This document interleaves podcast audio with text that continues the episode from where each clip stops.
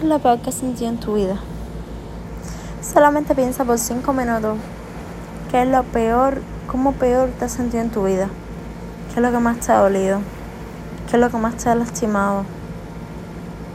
Y ahora pregúntate si fue suficiente. Y es lo que yo digo. Si lograste salir de las cosas que peor ido en la vida, las cosas que más han dolido, ¿cómo no vas a salir de todo? Mira, So, ahora mismo yo tengo un gran problema. Solamente pienso en un valor propio. Porque me duele a veces pensar cómo tantas chicas se valoran propiamente y a mí me cuesta tanto trabajo no darme cuenta de lo que está pasando a mi alrededor. Pero eso no es lo más duro. Lo más duro es darte cuenta, saberlo tú mismo de lo que está pasando a tu alrededor. Y solamente sonreír y decir, ok, está bien. ¿Por qué? Qué poco valor te puedes estar dando, ¿verdad? Ponte a pensar. ¿En qué te has convertido? ¿Hasta qué punto has llegado?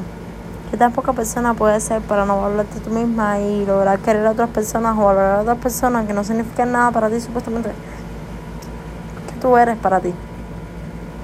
¿En qué tú te encierras en ti misma? ¿En qué te convertiste? ¿Cuánto perdiste y cuánto ganaste? ¿Sabes? Solamente piensa en eso. Es como que bien desconcertante.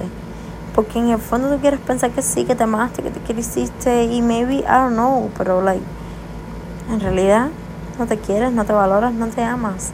Si te valoras y te quisieras, no estuvieras en la situación que estás ahora mismo. Estuvieras en otro lugar muy diferente.